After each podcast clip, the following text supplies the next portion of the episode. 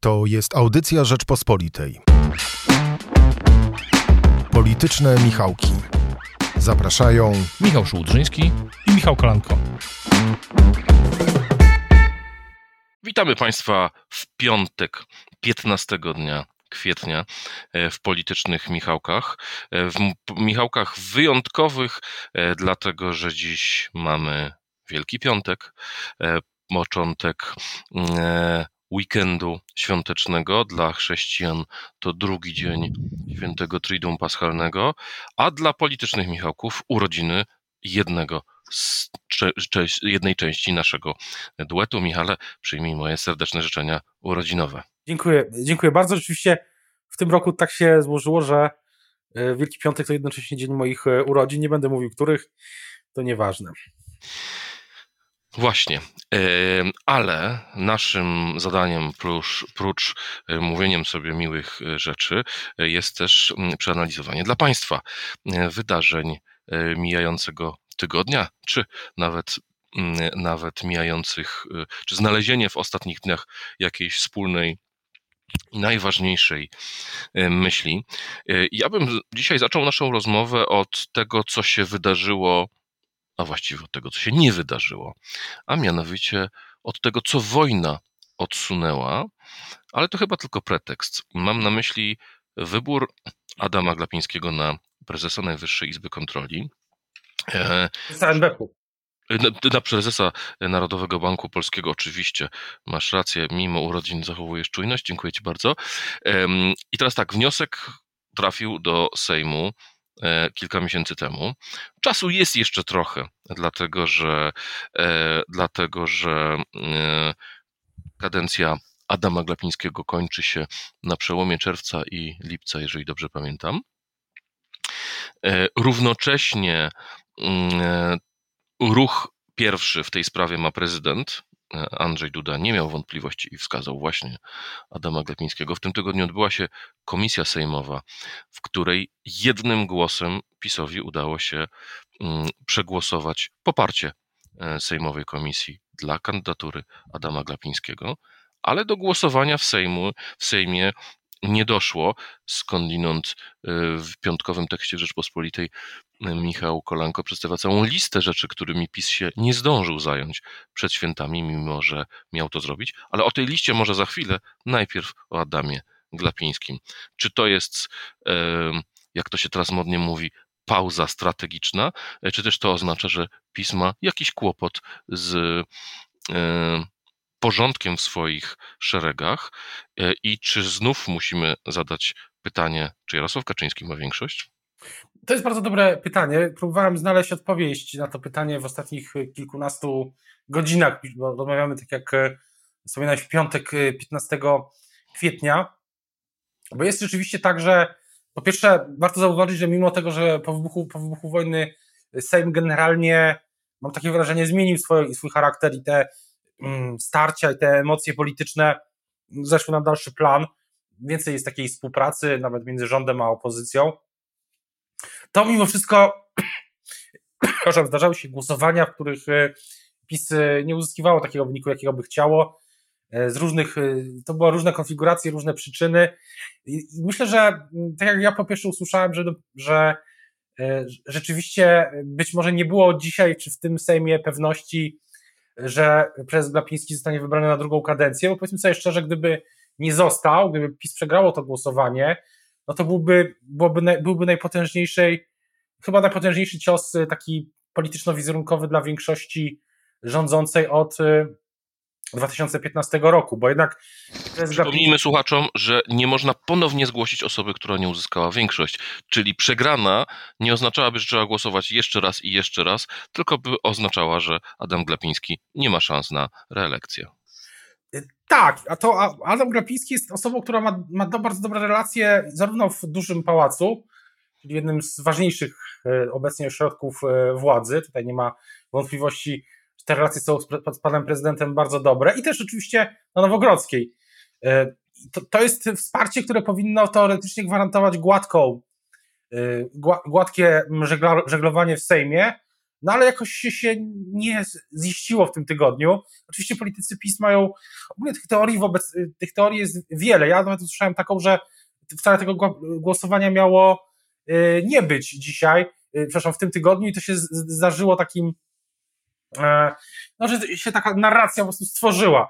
No ale komisja była, wspomniałeś rzeczywiście, że jednym głosem przeszedł, e, przeszła rekomendacja. Co ciekawe, jeden z posłów Kukiza, pan poseł Sachajko, był, się wstrzymał od głosu, był jedynym wstrzymującym się, więc jest też taka teoria, że, że, że tutaj jest jakiś kłopot, że e, też jacyś, też politycy z tylnych ław e, w, w klubie PiS e, poza Kukizem, oczywiście, którzy, którzy, Kukizowcy nie są w klubie PiS oczywiście, ale sam, w samym PiSie jest gdzieś tam ferment i to ta kombinacja tych dwóch czynników mogłaby doprowadzić do bardzo złych, e, znaczy do upadku tej kandydatury.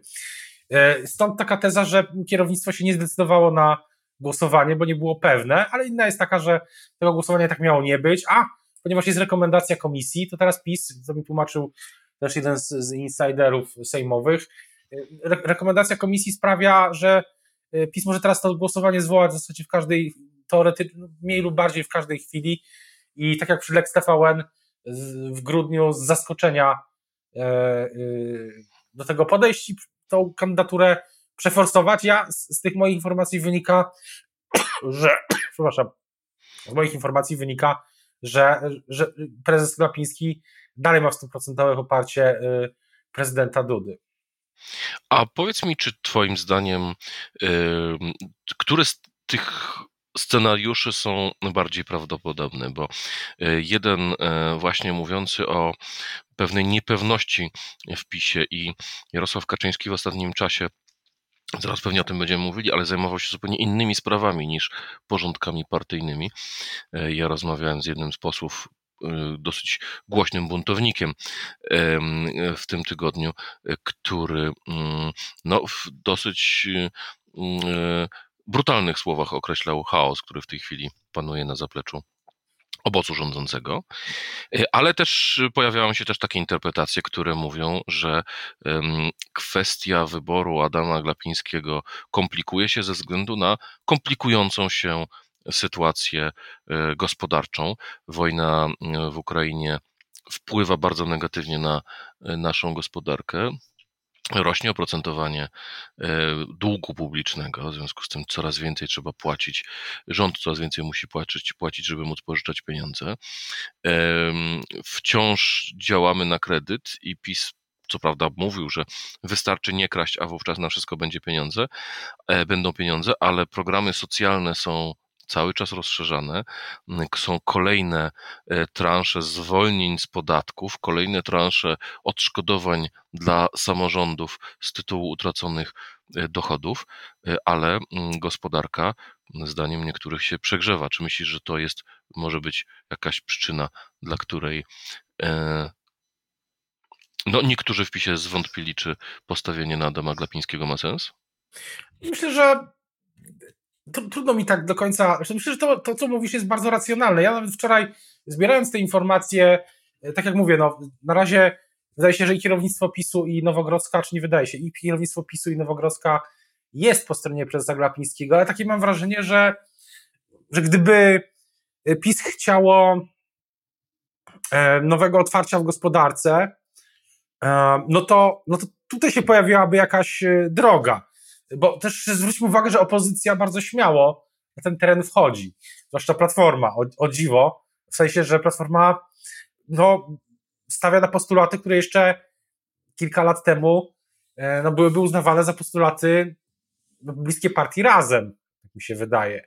A teraz e, świat się tak zmienił, że Donald Tusk mówi, no, interwen- niech państwo interweniuje w gospodarkę, no naprawdę już tak bardzo, jak no, nie powstydziłby się tego nie powstydziliby się tego mm, e, publicyści, mm, takich postulatów stawiać publicyści i politycy no, zupełnie innym zabarwieniu.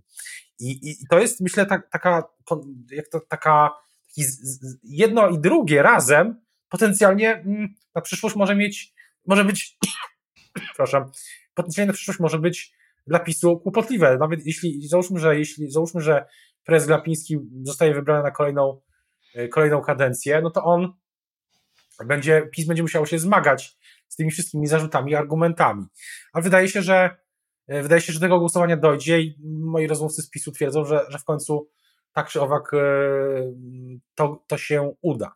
Czyli będzie nowa kadencja, sześcioletnia. Co też jeszcze na koniec jedna dygresja, że sześcioletnia kadencja prezesa Glapińskiego oznacza, że, że będzie, że będzie szefem NBP-u długo po tym, po wyborach w 2023 roku. E, mówiłeś o opozycji, do niej jeszcze pewnie e, wrócimy, ale e, PiS nie uporał się jeszcze z kilkoma innymi problemami. Wciąż wisi w powietrzu kwestia wniosku o uchylenie immunitetu prezesowi Najwyższej Izby Kontroli. PiS przegrał głosowanie o uchylenie immunitetu Sławomira Nitrasa i nie zdecydował się na głosowanie ustaw sądowych.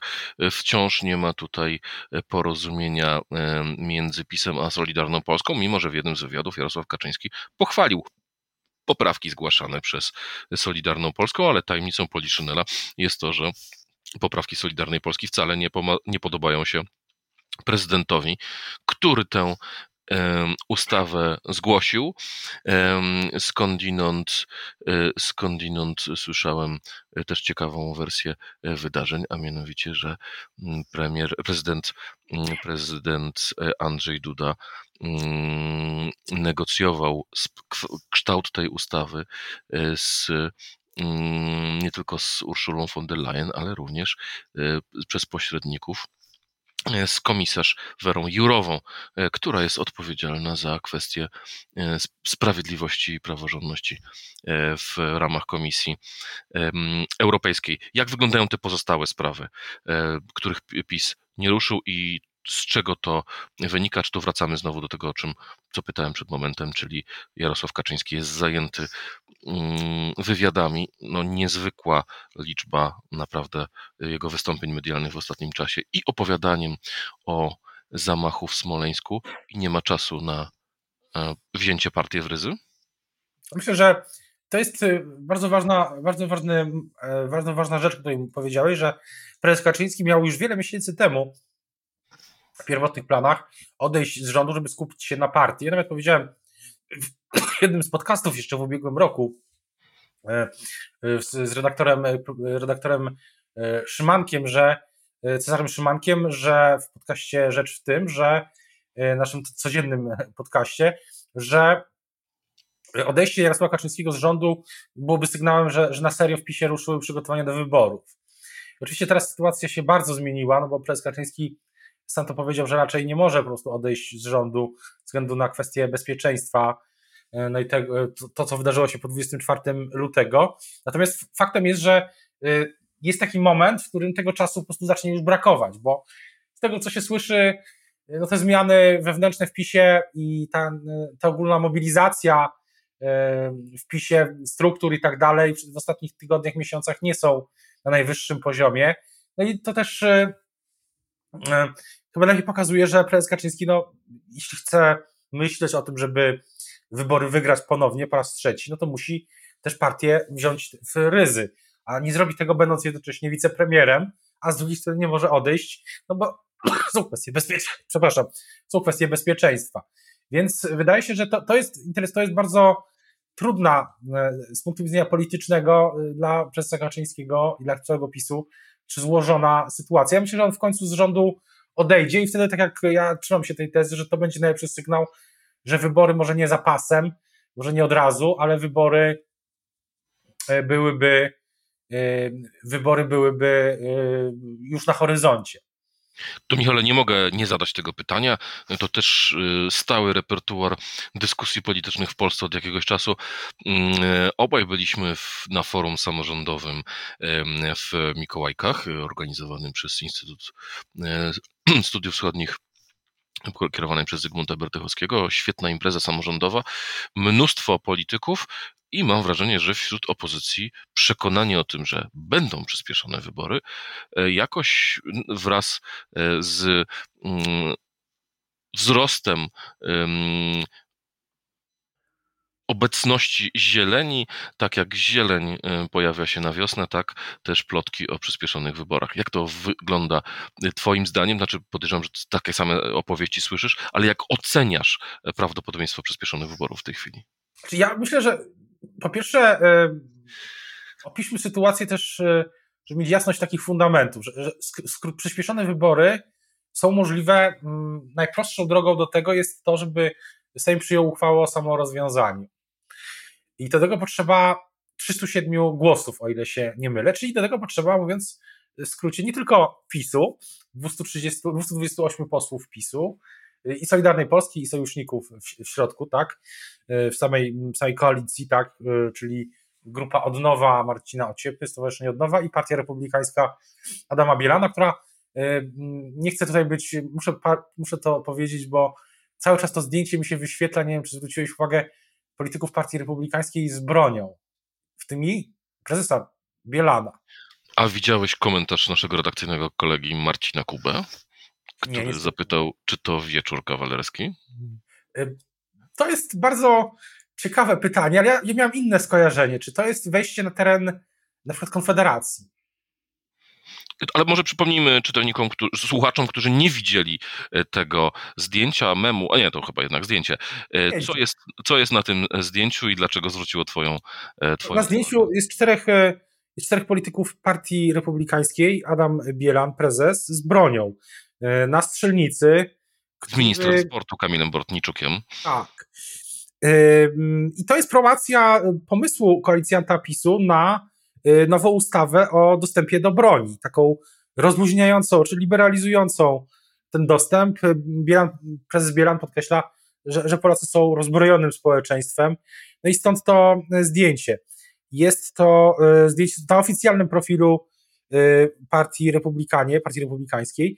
I tak sobie pomyślałem, że oprócz niewątpliwego potencjału wiralnego, który już widzimy, to zdjęcie to trochę kojarzy mi się z, po pierwsze ze Stanami Zjednoczonymi, bo tam myślę, to by zdjęcie było, e, nie przyszłoby, przyszłoby bez żadnego echa, bo tam to jest e, oczywiście inna, inny system polityczny, inna trochę też kultura, też dostępu do, do broni, ale dwa, tak sobie pomyślałem właśnie, że to jest taki jakby próba wejścia na teren, na nowe tereny, trochę właśnie zahaczające o ten taki wolnościowo libertariańsko no, taki wolnościowo E, e, taki elektorat Konfederacji po prostu. I to myślę, że jest ciekawy, ciekawy ruch. Ja to, to ustawę bardzo uważnie śledzę, te pomysły republikanów, bo z drugiej strony na przykład e, sojusznik PiSu, czyli tak, Stowarzyszenie Odnowa, no wydaje się, że stawia na trochę inne, na taki bardziej umiarkowany ton, też jeśli chodzi o relacje z Unią i, i tak dalej. Ale wróćmy jeszcze do samej opozycji, tak, do tego samorozwiązania Sejmu, że opozycja musiałaby się zgodzić na to. No i tutaj jest, tu jest dosyć spory, myślę, dylemat, no bo wydaje się, że gdy Jarosław Kaczyński, gdyby wystąpił w Sejmie i powiedział, że, Sejm, że PiS składa taką uchwałę, no to jak myślisz, co by się. E, ja, ja myślę tak, że politycy opozycja, zwłaszcza Platformy, mieliby ogromny dylemat. To znaczy, e, sam taki pomysł świadczy o tym, że PiS ma, wyczerpuje swoje możliwości rządzenia. Tak mi się, tak mi się wydaje, że tak to zostałoby odczytane, że jest jakiś poważny kłopot z większością, poważny kłopot w samym PiSie mm, i, i, i trzeba robić wybory, bo prezes Kaczyński uznaje, że dalej nie da się tak funkcjonować. No i co wtedy robi Platforma? Czy, czy bo, z, bo z drugiej strony, mm, nie zgadzając się na taki wniosek, y, no, może sprawić, że PiS będzie rządził w teoretycznie słabej pozycji, E, dłuższy czas. No, po złożeniu takiego, takiej deklaracji prezes Kaczyński i PiS byłyby taką e, city, e, lame duck, jak to się mówi w amerykańskim języku polityki, czyli taką kulawą kaczką, nomen omen, bez, bez skojarzeń, że złożenie takiego wniosku no, bardzo by osłabiło prezesa Kaczyńskiego i sam, sam PiS. No i czy Platforma wtedy idzie z, i głosuje za, czy przeciw? Bo masa bo bardzo wiele osób, y, publicystów zwłaszcza na Twitterze, powiedziałby tych, y, którzy sympatyzują całkiem otwarcie czasami z Platformą Obywatelską, którzy oczywiście sami się tego nie przyznają, ale no powiedziałby, tak, teraz trzeba zakończyć rządy PiSu, głosujcie za. Mm, no i tylko, czy, czy opozycja jest na takie szybkie wybory gotowa? No, trochę mam wątpliwości.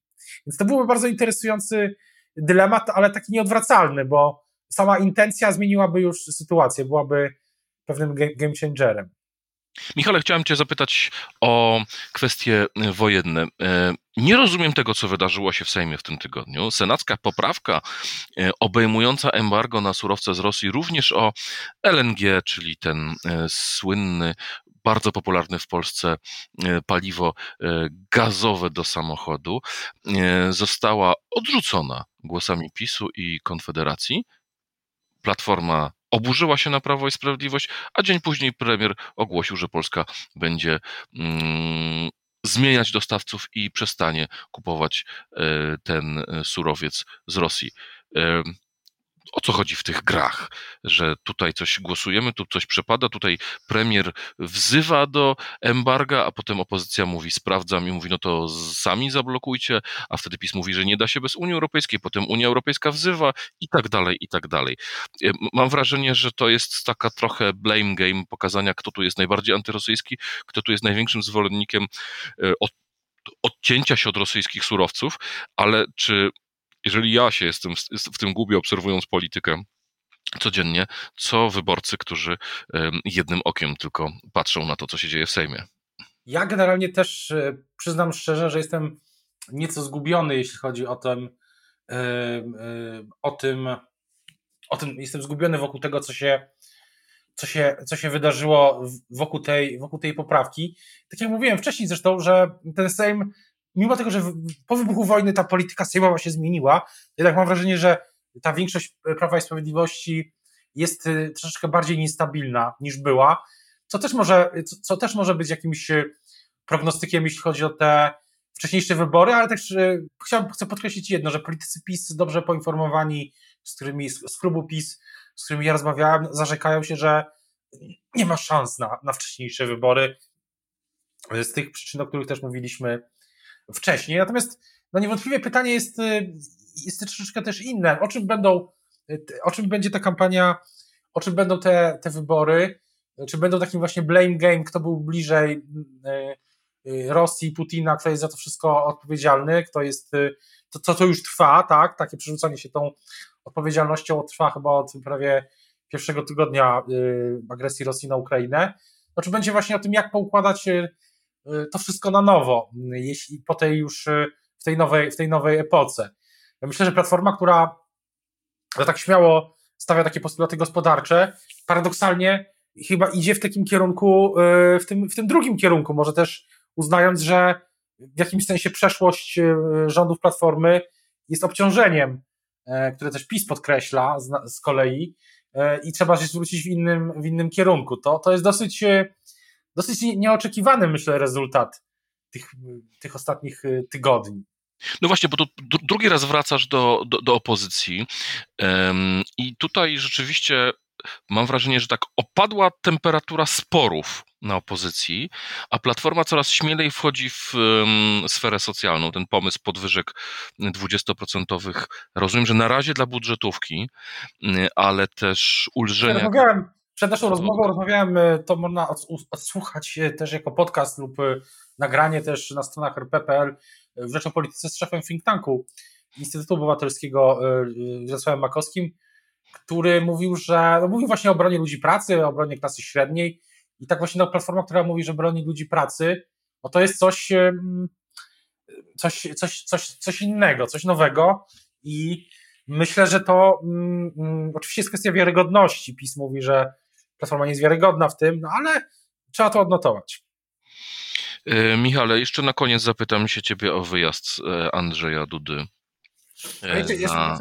jeszcze jedna dygresja co do samej opozycji, że tak rozmawiając z politykami opozycji w Sejmie w ostatnich dniach, mam takie wrażenie też, że tak jak ty mówiłeś, że ta temperatura sporo opadła, że tam jest inny rodzaj myślenia, znaczy inny, że, że mniej jest też takich złośliwości wzajemnych na Twitterze, takich publicznych wystąpieniach, że coś się też na, e, w ramach tej opozycji się, sejmowej oczywiście, bo tu nie mówimy o e, na przykład agrounii czy, e, czy, czy, czy innych ruchach pozasejmowych, partiach, agrounia już jest zresztą partią, w tej sejmowej opozycji coś się w tych relacjach wzajemnie zmieniło, czego symbolem była ta debata z 2 kwietnia o konstytucji, dosyć gdzie mimo dużych różnic merytorycznych taki klimat był, był w miarę, był nawet nie tyle w miarę, co był dobry.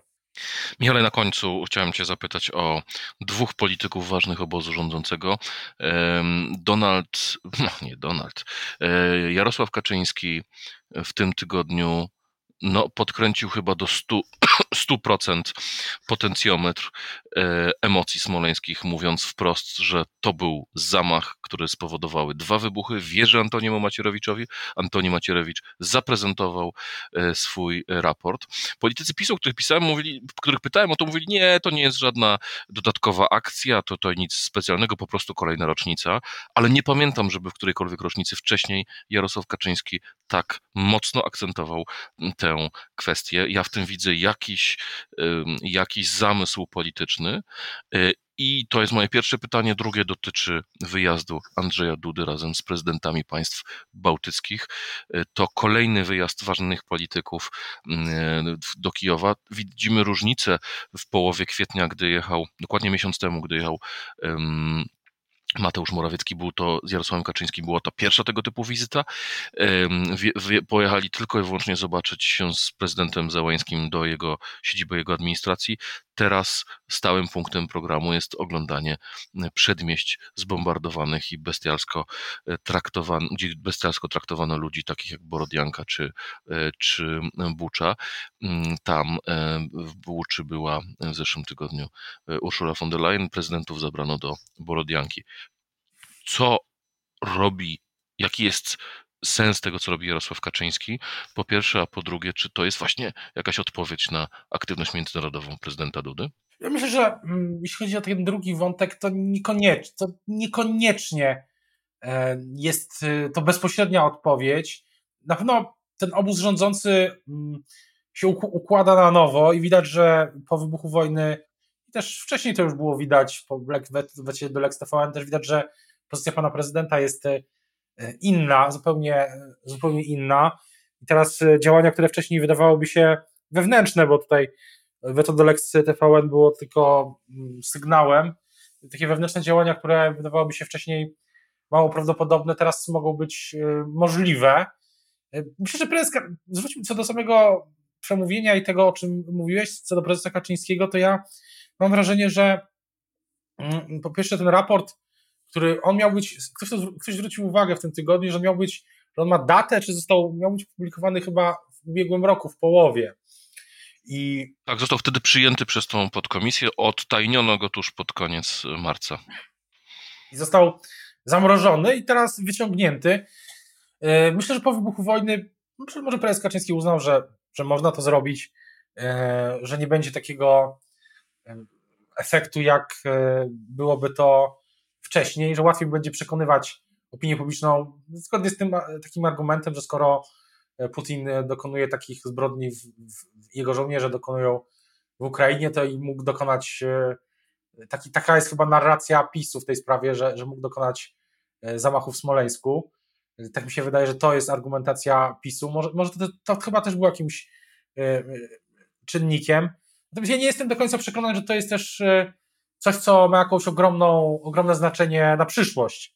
Bo myślę, że już teraz to widać, jak rozmawiamy w piątek, od poniedziałku wydarzyło się tyle, że no to już jest jeden z dziesiątków tematów, o których się mówiło w tym tygodniu, ale jakoś nie mam wrażenia, że, mm, że, że całkowicie ten tydzień zdominował i za dwa tygodnie, za miesiąc może być tak, że to będzie wracało w kolejnych wywiadach, wypowiedziach, jakichś działaniach E, Prawa i Sprawiedliwości, ale nie będzie takim e, dominującym tematem, gdyby e, w innych warunkach pewnie byłoby inaczej. Nie pozostaje nam nic innego, jak życzyć wszystkim naszym słuchaczom dobrych i wesołych świąt, a przede wszystkim spokoju i pokoju, którego potrzebujemy bardzo, ale też zdrowia po na przedwiośniu wciąż łapią nas rozmaite wirusy. Wszystkiego dobrego i podziękowania dla Państwa, że byli Państwo dzisiaj z nami. Zapraszamy za tydzień do kolejnego podcastu. Dziękujemy Magdalenie Burkiewicz, dziękujemy Michałowi Patyrze i dzisiaj bodajże z, razem z Magdaleną wydaje naszą audycję Cezary Szymanek. W związku z tym dziękujemy im wszystkim. Do usłyszenia. Do usłyszenia, dużo zdrowia i dobrych, spokojnych świąt wielkanocnych. Słuchaj więcej na stronie podcasty.rp.pl. Szukaj Rzeczpospolita Audycje w serwisach streamingowych.